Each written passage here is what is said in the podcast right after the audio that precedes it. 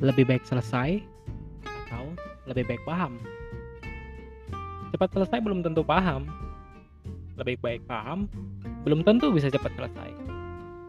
Hello, welcome back to my podcast. Yeah. setelah sekian lama, hmm, bikin podcast dan kali ini aku mau bikin podcast lagi dan selamat datang buat kalian di podcast Pak Eko ya. Kata Pak Eko lebih tepatnya. Uh, oke okay, sebelumnya di sini mungkin mau cerita-cerita aja gitu kan sharing-sharing. Mungkin bakal ada bahasan-bahasan sedikit ke personal atau mungkin yang teman-teman juga kalian merasakan gitu ya. Uh, di sini aku mau ngajak kalian kembali ke masa-masa uh, lalu uh, mungkin buat kalian-kalian yang sudah bekerja saat ini yang sudah berkeluarga aku mau ngajak kalian ke masa-masa di mana kalian masih merasakan menjadi seorang mahasiswa atau pelajar gitu ya. Dan kebetulan aku juga sekarang ini sudah bekerja kurang lebih mungkin dua tahun. Ya hampir dua tahun. Dan di sini aku mau ngajak kalian untuk kembali ke masa-masa saat kalian masih belajar dan saat menjadi mahasiswa.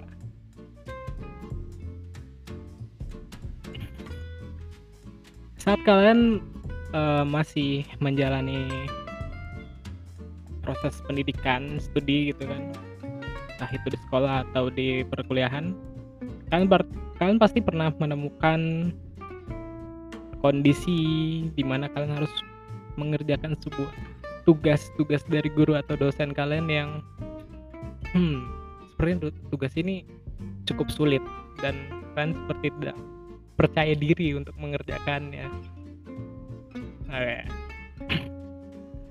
Ya jujur dulu juga aku sempat merasakan seperti itu ya. Mendapatkan tugas dari dosen dari guru-guru dan cukup kesulitan juga untuk menyelesaikannya uh, mungkin kalau buat yang teman-teman pas masih masa-masa sekolah seperti SMP atau SMA gitu kan masih sering ngerjain tugas atau PR-nya di sekolah pagi-pagi nih sebelum sebelum jam pelajaran mulai itu dengan cara kayak oh pinjam catatan teman atau pinjam uh, uh, pinjam PR-nya teman gitulah ya. Mungkin kalau pas itu caranya lebih mudah dan praktis gitu ya kayak datang sekolah pagi-pagi banget gitu terus hey bro gitu. Pinjem PR dong. PR belum selesai nih ya. Nah kalau itu biasa waktu zaman sekolah sih ya. Mungkin dari dari teman-teman kalian juga pasti ada lah yang begitu ya. Lalu bagaimana kalau pas masih uh, lalu bagaimana kalau setelah kuliah ya kan uh,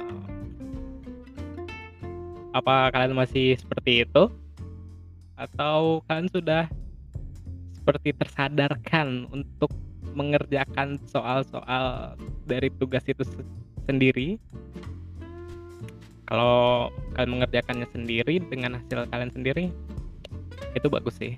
Tapi kalau kalian masih kayak uh, pinjem sana sini punya temen gitu ya hmm, oke okay lah tapi cobalah kerjain sendiri ya. Oke. Okay. mungkin kalau untuk tugas-tugas harian tugas-tugas mingguan dari guru atau dosen masih cukup mudah lah ya. Tapi bagaimana kalau dengan tugas-tugas besar seperti tugas akhir semester atau skripsi ya tugas akhir kuliah yang mana skripsi itu menentukan bisa menentukan kelulusan kalian. Dan nggak jarang juga pasti kalian uh, pusing gitu. Pusing dari memikirkan judulnya. Pusing dari untuk mempersiapkan apa saja yang harus dilakukan untuk mengerjakan tugas itu mengerjakan skripsi itu dan lain-lain halnya dan di sini mungkin biar nggak terlalu melebar sekali topiknya ya hmm, tadi kan aku ngomongnya mungkin tugas-tugas sekolah, tugas-tugas kuliah. Jadi di sini coba kita kerucutkan lagi ke tugas akhirnya saja ya. Karena yang sering kali aku temuin kasus-kasusnya itu itu terjadi pada tugas akhir. Uh, termasuk tugas akhir kuliah ya. Skripsi lah bisa bilang itu.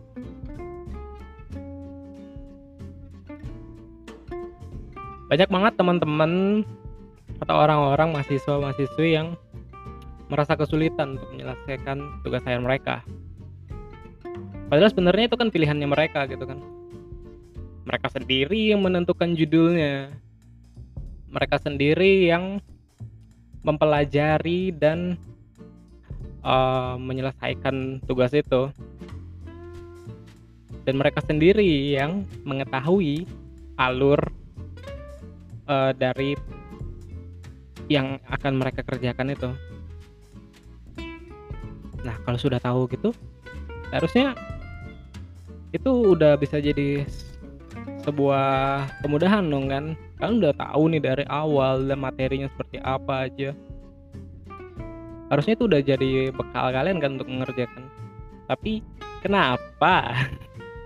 Kenapa nih masih ada aja dari kalian yang bisa-bisanya nyari orang sebagai joki tugas air kalian?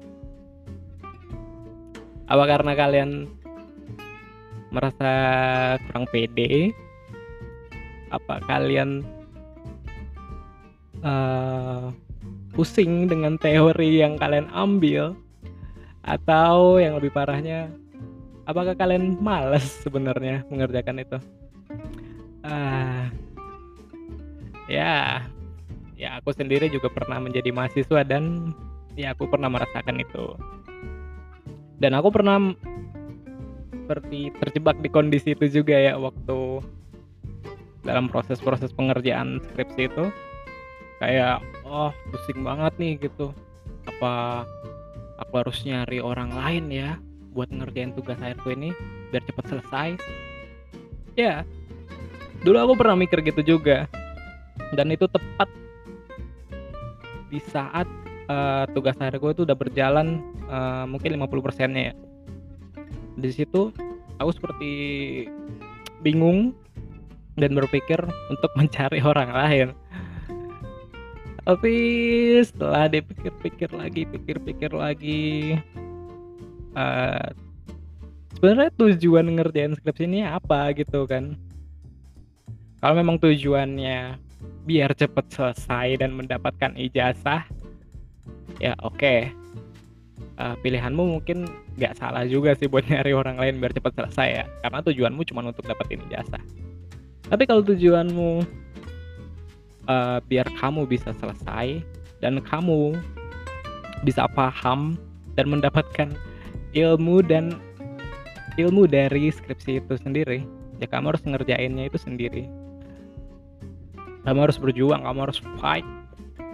Ya biarpun memang prosesnya pasti bakal lebih lama ya ketimbang kamu menggunakan jasa orang lain untuk mengerjakannya. Tapi poin pentingnya kamu jadi paham.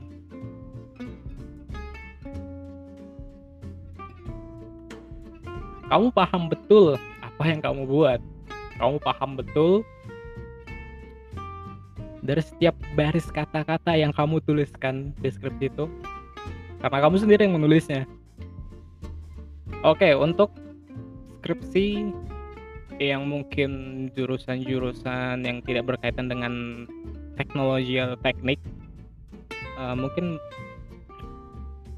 bakal berjumpa lebih banyak dengan tulisan-tulisan dan hitung-hitungan angka-angka gitu ya. Tapi bagaimana dengan uh, mahasiswa-mahasiswi yang mereka mengambil jurusan teknik yang langsung terjun ber bergelut dengan teknologi gitu kan.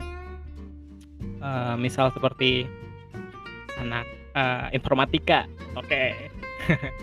Karena kebetulan aku juga dulunya anak informatika ya dan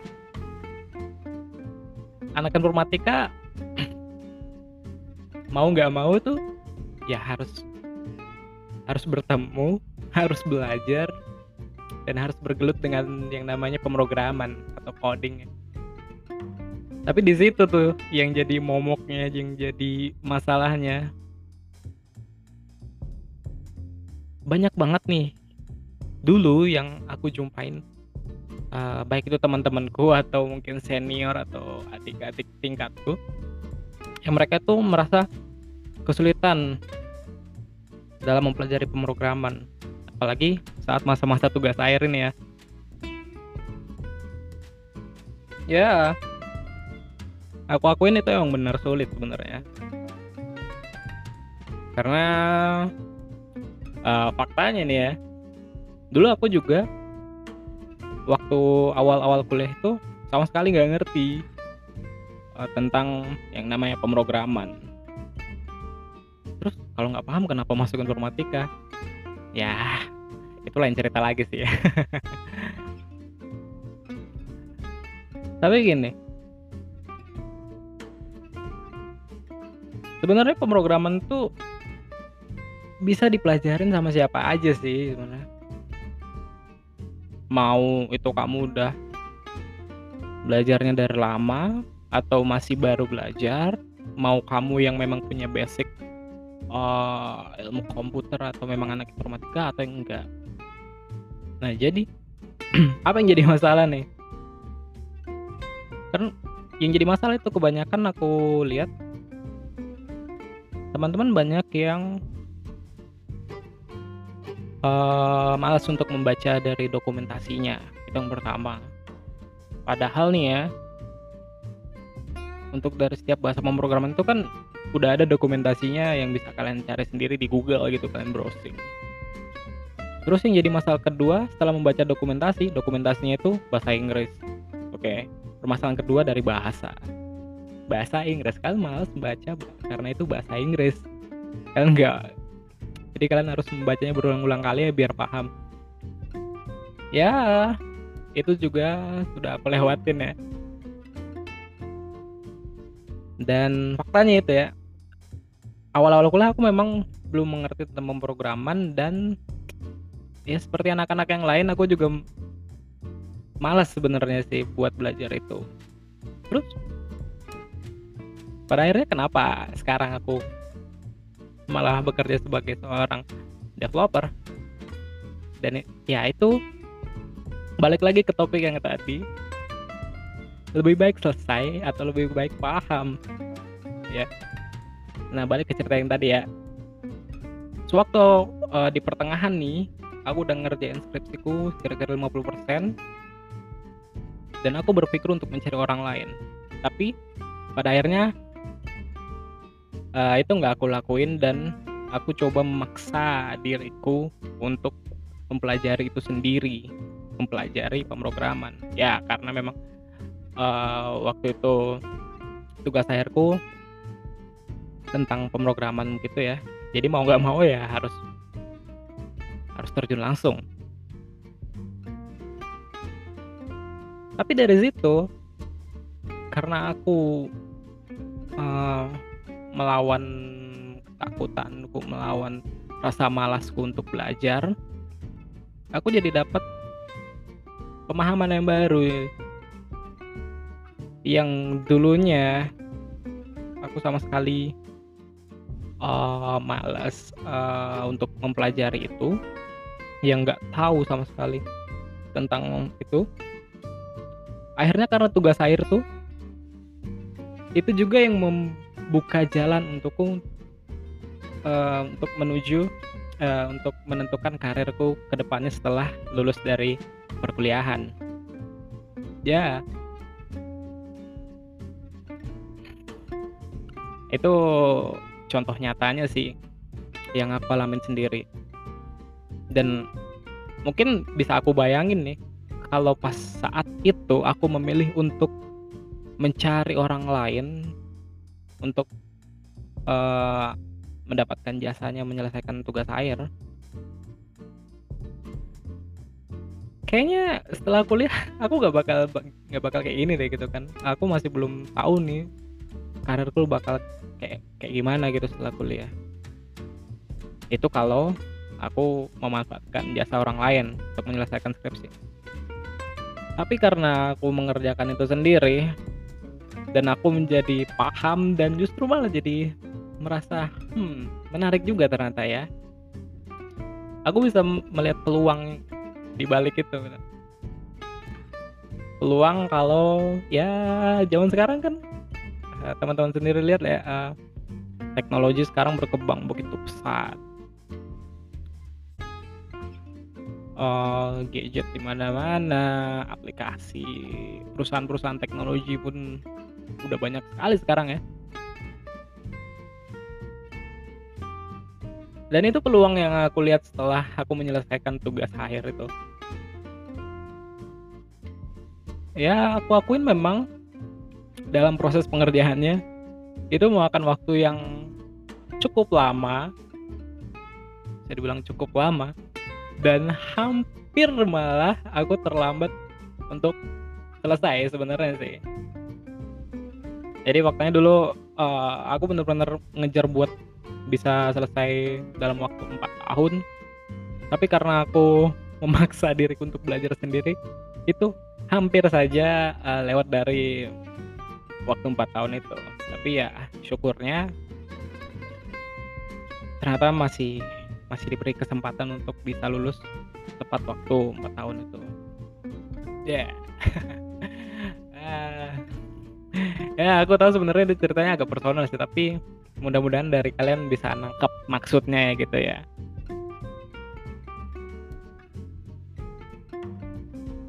Jadi nah sekali lagi aku tanya nih. Lebih baik cepat selesai atau lebih baik paham dulu? Jujur kalau dari aku yang sekarang aku bakal lebih memilih untuk lebih baik paham dulu deh ketimbang cepat selesai.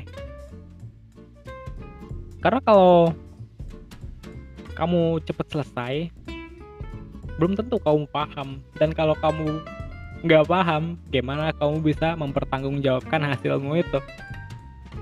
Tapi kalau kamu bisa paham dulu nih uh, biarpun mungkin waktu buat menyelesaikan itu bakal lebih lama tapi kamu bisa mempertanggungjawabkan hasilnya itu. Ya. Ya semoga teman-teman dapat poin dari yang aku omongin barusan ya.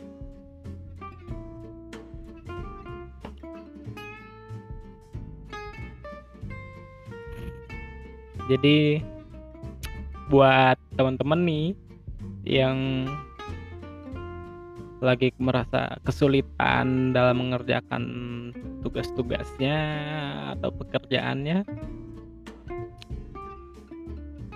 nggak apa-apa tetap semangat aja. Coba pelajarin lebih dalam lagi pelajarin baik-baik pahamin baik-baik.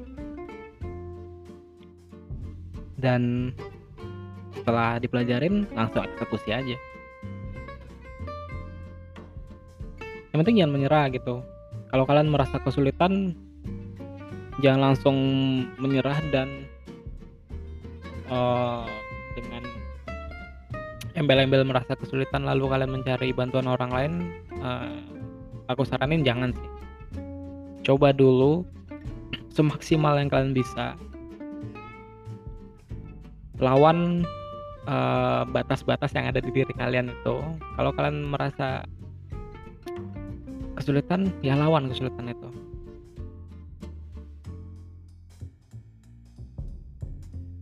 Dan sebenarnya dari pertanyaan yang tadi itu itu bisa berlaku juga untuk uh, mungkin di dunia pekerjaan ya. Ya di dunia di saat bekerja kan juga pasti kita diberikan tugas-tugas oleh uh, atasan kita gitu ya. atau kita diberikan tugas untuk menyelesaikan sebuah project nah dan ini juga menarik sih jadi aku juga sempat mendengar gitu kalau uh, ada oknum-oknum yang ketika mereka menyelesaikan project di perusahaan mereka itu mereka juga memanfaatkan orang lain untuk uh, mengerjakan proyek itu tapi memanfaatkannya bukan karena eh, bukan karena agar mereka dapat bantuan dan mengerjakannya bersama-sama tapi lebih tepatnya kayak ya udah nih aku punya project aku cari orang lain aku lempar project itu ke dia aku tinggal leha-leha aja tunggu hasilnya. Ya itu sempat sih aku kayak mendengar rumor-rumor kayak gitu oknum-oknum yang melakukan hal kayak gitu.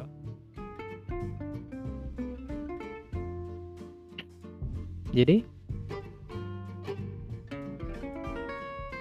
Ya itu bisa berlaku di mana aja gitu baik itu di perkuliahan waktu sekolah atau di pekerjaan.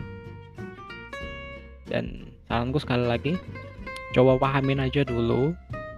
Nggak apa-apa kalau waktunya agak sedikit lama tapi kalian paham daripada kalian ngejar buru-buru selesai.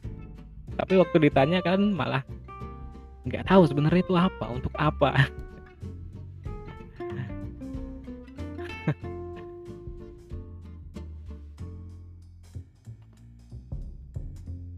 Jadi buat teman-teman yang mendengarkan di sana tetap semangat sama pekerjaannya sama tugas-tugasnya.